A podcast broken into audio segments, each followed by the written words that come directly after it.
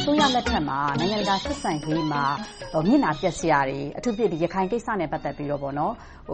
ဝေဖန်စရာတွေတော်တော်များများ ထွက်ခဲ့ပါတယ်။ကျယ်ကျယ်လောင်လောင် ဝေဖန်ခဲ့တယ်။ UN ကဖြစ်ဖြစ်၊ US ကဖြစ်ဖြစ်၊ EU နိုင်ငံတွေကဖြစ်ဖြစ်။ NLD အစိုးရဟာ စစ်တပ်ရဲ့ လူ့အခွင့်အရေး ချိုးဖောက်မှုတွေကို အကာအကွယ်ပေးတယ်ဆိုတဲ့ ပုံစံမျိုးတွေအထိ ဝေဖန်တာတွေ ရှိတယ်။ဒေါ်အောင်ဆန်းစုကြည်နဲ့ ပတ်သက်လို့ရှိရင်လဲ သူကိုပေးထားတဲ့ လူ့အခွင့်အရေးဆုတွေ ပြန်ရုတ်သိမ်းတာမျိုးတွေကစလို့ ပြင်းပြင်းထန်ထန်ဖိအားပေးတဲ့ ပုံစံမျိုးတွေ ဖြစ်လာပါတယ်။နိုင်ငံတကာဆက်ဆံရေးမှာ လက်ရှိတိုင်းပြည်ရဲ့ကျဆင်းသွားတဲ့ပုံရိပ်ကို ပြန်ဆယ်ဖို့ဆိုရင် ဘာတွေများ တုံ့ပြန်ဆောင်ရွက်ဖို့လိုမယ်လို့ ဦးအောင်မိုးဇော် ထင်သလဲ။အဲဒီကိစ္စက တော့ပြဿနာရှိတယ်။ကျနော်တို့ Image ကတော့ တကယ်ကျနေတာ အမှန်ပဲ။နှစ်ဘယ်လောက်သွားမလဲ ကျနော် မပြောတတ်ဘူး။အဲဒါကလဲ အခုန ရခိုင်ပြည်မှာ ဖြစ်ခဲ့တဲ့ ရခိုင်ပြည်မြောက်ပိုင်းမှာ ဖြစ်ခဲ့တဲ့ ရိုဟင်ဂျာကိစ္စ ရှိမယ်။အခုနောက်ဆက်တွဲ ရခိုင်မှာ ဖြစ်နေတဲ့ စစ်ပွဲတွေ ရှိမယ်။အဲဒါတွေက နောက်ဆယ်စုနှစ်တခုများ ဆက်သွားမလားတော့ ကျနော် မပြောတတ်ဘူး။ အခြေခံကတော့ နိုင်ငံတကာနဲ့ သေသေချာချာ ပူးပေါင်းဆောင်ရွက်ဖို့ လိုတယ်လို့ ကျနော် ပြောချင်ပါတယ်။ဒါပေမဲ့ ပြဿနာက ဘာလဲဆိုတော့ ကျနော်တို့ တိုင်းပြည်မှာက အဓိကကျတဲ့ ငြိမ်းချမ်းမှု မရှိဘူး။တည်ငြိမ်မှု မရှိဘူး။တပြိုင်နက်ထဲမှာ အခုန နိုင်ငံတကာဆက်ဆံရေးကိစ္စကို ပြန်ဆွဲတင်ဖို့ တော်တော်ခက်နေတယ်လို့ ကျနော်ထင်တယ်။ဆိုတဲ့အခါကြတော့ ဥပမာ ရိုဟင်ဂျာပြဿနာကို ရိုဟင်ဂျာပဲပြောပြော၊ဘင်္ဂလီပဲပြောပြော အဲဒီပြဿနာကို သေသေချာချာ မကိုင်တွယ်နိုင်ဘူး။သို့တည်းမဟုတ်လို့ရှိရင် ဒါ့အပြင်ပြည်တွင်းစစ်ဖြစ်နေတဲ့ကိစ္စတွေမှာလဲနေရာအနံှမှာပါရှမ်းမြောက်မှာ၊အရှေ့မြောက်မှာ၊ကချင်မှာလူ့အခွင့်အရေးချိုးဖောက်မှုတွေကတောက်လျှောက်ပဲ။ရခိုင်မှာဆိုလဲဆိုးပါတယ်။ဟိုတလောကမြောက်ဦးမှာဘုရားတွေဘာတွေအပေါ်ကဗုံးကျဲတယ်လို့ကြားတယ်။အဲဒီလိုကိစ္စမျိုးတွေကိုတည်ငြိမ်အောင်မထိန်းသိမ်းနိုင်ဘူးဆိုရင်ကြိမ်သေနိုင်ငံတကာနဲ့ဆက်ဆံရေးကလဲကောင်းလာဖို့မလွယ်ဘူးလို့ကျနော်ထင်တယ်။အဓိကအခုဆိုရင်ပိုပြီးတော့ ကျနော်တို့ အပြင်ကကြည့်တဲ့လူ တရုတ်ကို ပိုမှီရတယ်။တရုတ်နိုင်ငံနဲ့ပူးပေါင်းဆောင်ရွက်ရမှာ။အခုဆိုရင် ဘာပဲပြောပြော တရုတ်-မြန်မာ စင်္ကြန်တို့ဆိုရင် ကျနော်တို့တိုင်းပြည် ဖွံ့ဖြိုးတိုးတက်ရေးအတွက် အများကြီး အထောက်အကူ ဖြစ်နိုင်တယ်။တပြိုင်နက်ထဲမှာလဲ ဒီတခုတည်း ပုံထားရတဲ့အခါကြတော့ ကျနော်တို့မှာ တခြားဆုံးရှုံးစရာတွေလည်း အများကြီး ရှိနိုင်တယ်။နိုင်ငံတကာဆက်ဆံရေးက အရေးကြီးပါတယ်။အဲဒါကို ကျနော်တို့ တိုင်းပြည်ဖွံ့ဖြိုးတိုးတက်ရေးအတွက်ကို ပြန်ပြီးတော့အပတ်ဆွဲတင်နိုင်ဖို့ လိုတယ်။ အဲဒီလိုဆွဲတင်နိုင်ဖို့ဆိုရင်ကျနော်တို့တိုင်းပြည်မှာဖြစ်နေတဲ့လူ့အခွင့်အရေးပြဿနာတွေ၊ပြည်တွင်းစစ်ပြဿနာတွေအဲဒါတွေကိုသေသေချာချာကိုင်တွယ်နိုင်မှဆက်ဆံရေးကိစ္စတွေကိုလည်းကောင်းကောင်းမွန်မွန်ဖြစ်အောင်လုပ်နိုင်လိမ့်မယ်လို့ထင်ပါတယ်။ဦးဦးလှစောဘယ်လိုအမြင်ရှိပါလဲ။ဒီပြဿနာကမသေးဘူး။ကျနော်လွှတ်တော်ထဲမှာလည်းပြောတယ်။တချို့လဲနားလည်တယ်။တချို့လဲနားမလည်ဘူး။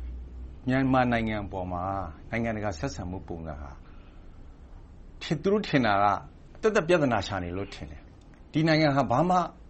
မှားမှားယွင်းယွင်း မလုပ်ဘူး။ပြဿနာရှာတယ်။အစိုးရက မှားမှားယွင်းယွင်း မလုပ်ဘူး။တပ်မတော်က မှားမှားယွင်းယွင်း မလုပ်ဘူး။နိုင်ငံတကာက သက်သက်ကြီးကို ပြဿနာရှာလုပ်နေတယ်လို့ ထင်တယ်။ UN က resolution တွေ တက်လာတယ်။အခုတခါ ရခိုင်မှာ AA ကနေ အခြေချဖို့ ကြိုးစားလာတယ်။အခုန ဆရာပြောတဲ့အထဲမှာပါတယ် Confederation ဆိုတာကို အဓိပ္ပါယ်ဖွင့်ပြီးတော့ သီးခြားသမ္မတနိုင်ငံ ထောင်မယ်ဆိုပြီးတော့ AA ကိုရှကွာရှအပြတ်ရှင်းဆိုပြီးတော့ အကုန်လုံး ပြောလာတယ်။အခုတော့ ချေမှုန်းတဲ့အခါကြတော့ စစ်အင်အားသုံးတယ်ဆိုပြီး ပြဿနာတွေ တက်လာတယ်။စစ်အင်အားသုံးတဲ့အခါကြတော့ တပ်မတော်သတင်းထုတ်တာတဘက်၊ဒီဘက် မီဒီယာတွေကထုတ်တာတဘက်၊အရပ်ဘက်က ပြောတာတဘက်ဆိုတော့ ဘယ်သူမှားတယ်၊မှန်တယ် မသိဘူး။အဲဒီတော့ ဒါကို ပြည်ထောင်စုအစိုးရမှာပြန်ကြားရေးဌာန ရှိတယ်။ဝင်ပြီးတော့ ရှင်းရမယ်။မရှင်းဘူး။မရှင်းတော့ ဇာတ်မျှောကြီးထဲမှာ အကုန်လုံး ရှုပ်ထွေးပြီးတော့ အခုဆိုရင် AI က Amnesty International ရခိုင်ကိစ္စကို ကြည့်နေတယ်။ ICG ရခိုင်ကိစ္စ ကြည့်နေတယ်။အရင်တုန်းက ဘင်္ဂလီ issue ရှိတယ်။အဲဒါချိတ်မိရင် နောက်ထပ်လှိုင်းတလှိုင်း လာလိမ့်မယ်။အင်မတန် ကြောက်ဖို့ကောင်းတဲ့ လှိုင်းတလှိုင်း လာလိမ့်မယ်။အဲဒီအချိန်မှာ ကိုရီးယားကမဟာမိတ်လို့ ထင်ထားတဲ့ အမေရိကဟာ ကိုယ့်ဘက်မှာ ရှိမှာ မဟုတ်ဘူး။အဲဒီအချိန်မှာ ဒီဘက်က တရုတ်ကလည်း exploit လုပ်ဖို့အတွက် အကုန်လုံး ချောင်းကြည့်နေတယ်။အဲဒီတော့ ဒီနိုင်ငံကြီး မတည်မငြိမ် ဖြစ်နေတယ်။ ညီအကိုအချင်းချင်းလည်း မသင့်ဘူး။စစ်ဘက်-အရပ်ဘက် ဆက်ဆံရေးလည်း မကောင်းဘူး။စီးပွားရေးလည်း မကောင်းတဲ့နိုင်ငံကြီးတခုမှာ ဘယ်လို အမျိုးသားညီညွှတ်ရေးကို ဘယ်လို တည်ဆောက်၊ရင်ဆိုင်မလဲဆိုတဲ့ strategy ကို ကျနော်မြင်တယ်။ NLD မှာ မရှိဘူး။ဒါပေမဲ့ တခုတော့ သေချာတယ်။ကျနော်တို့ democratic transition အတွက်အင်မတန် ကြီးမားတဲ့ စိန်ခေါ်မှုတရပ်။ရပါတယ်။ဘာမှမဖြစ်ဘူး။တိုးတက်နေပါတယ်။ရပါတယ်ဆိုတာလောက်နဲ့တော့ မရဘူး။ကျနော်တို့မှာ စိန်ခေါ်မှုတွေ အရမ်းကြီးနေပြီ။ ဆရာ ဒေါက်တာမျိုးညွှန့်အနေနဲ့ ဦးဦးလှစော ပြောသလို နိုင်ငံတကာဆက်ဆံရေးမှာဖြစ်ဖြစ်၊ငြိမ်းချမ်းရေးကိစ္စမှာဖြစ်ဖြစ် NLD ဘက်ကနေ ထိထိရောက်ရောက်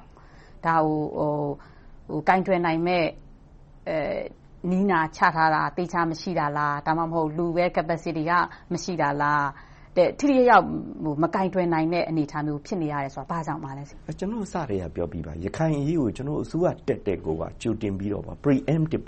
ကြိုတင်ပြီးတော့ အကြံပေးကော်မရှင်ဖွဲ့တယ်ဆိုတာဒါကျနော်တို့ကကြိုတင်မြင်တယ်၊ကြိုတင်လုပ်ထားတယ်ဆိုတာကိုကျနော်တို့ပြောချင်တာပါ။ဒါပေမဲ့အဲဒီလိုလုပ်လိုက်တာနဲ့အမျှတဘက်ကလဲ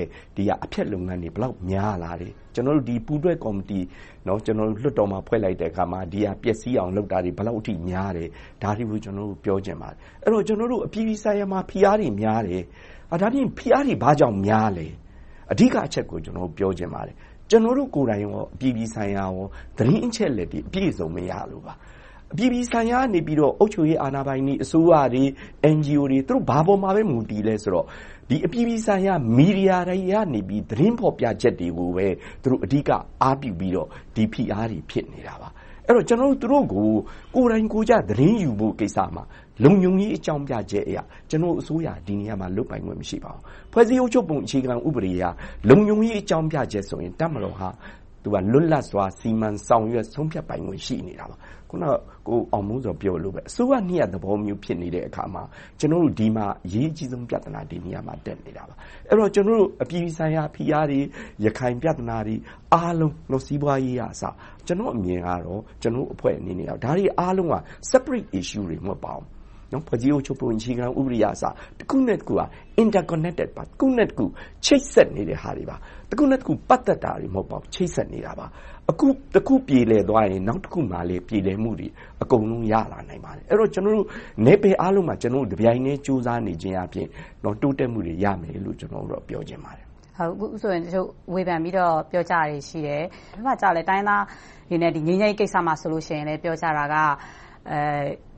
လက်ရှိ NLD အစိုးရအနေနဲ့ တိုင်းရင်းသားတွေနဲ့ ညှိနှိုင်းဆွေးနွေးဖို့ထက်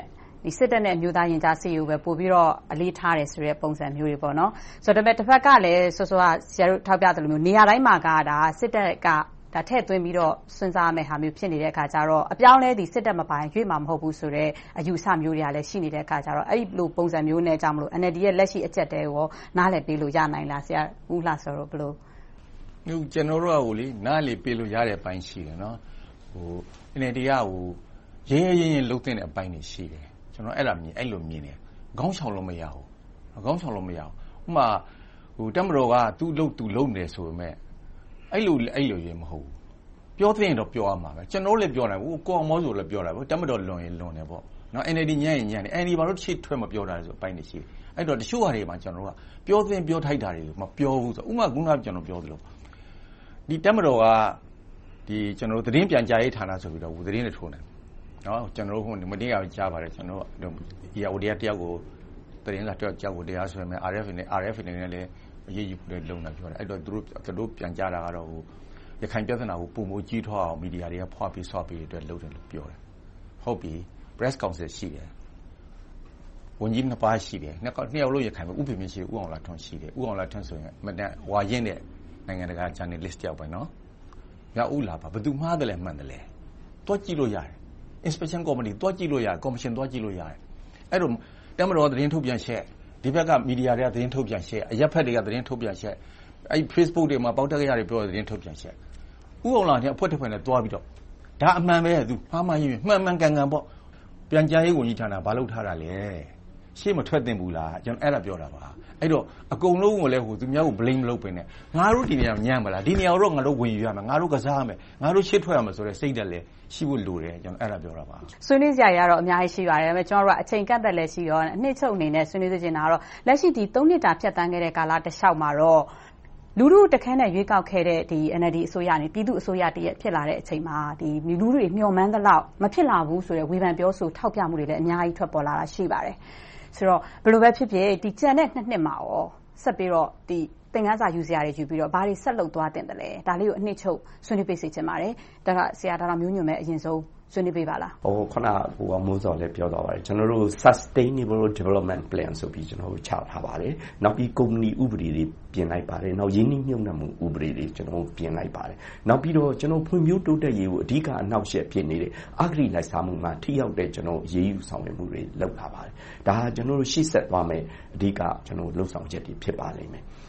ဟုတ်ကဲ့ပါဦးအောင်မိုးစောလည်းနှစ်ချုပ်သုံးသပ်ပေးပါအောင်ရှင်ကျွန်တော်တို့အဓိကကတော့ငြိမ်းချမ်းရေးကိုအလေးထားစေခြင်းတယ်ကျွန်တော်တို့အမျိုးသားသွေးစည်းညီညွတ်မှုကိုအလေးထားစေခြင်းတယ်အခုနဒေါက်တာမျိုးညွန့်ပြောသွားတဲ့ MSDP ပေါ့နော်ကျွန်တော်တို့တိုင်းပြည်မှာရှေ့ရှေ့ဖွံ့ဖြိုးတိုးတက်ဖို့ဆိုရင်တို့ MSDP ရှိတယ်နောက်အခု China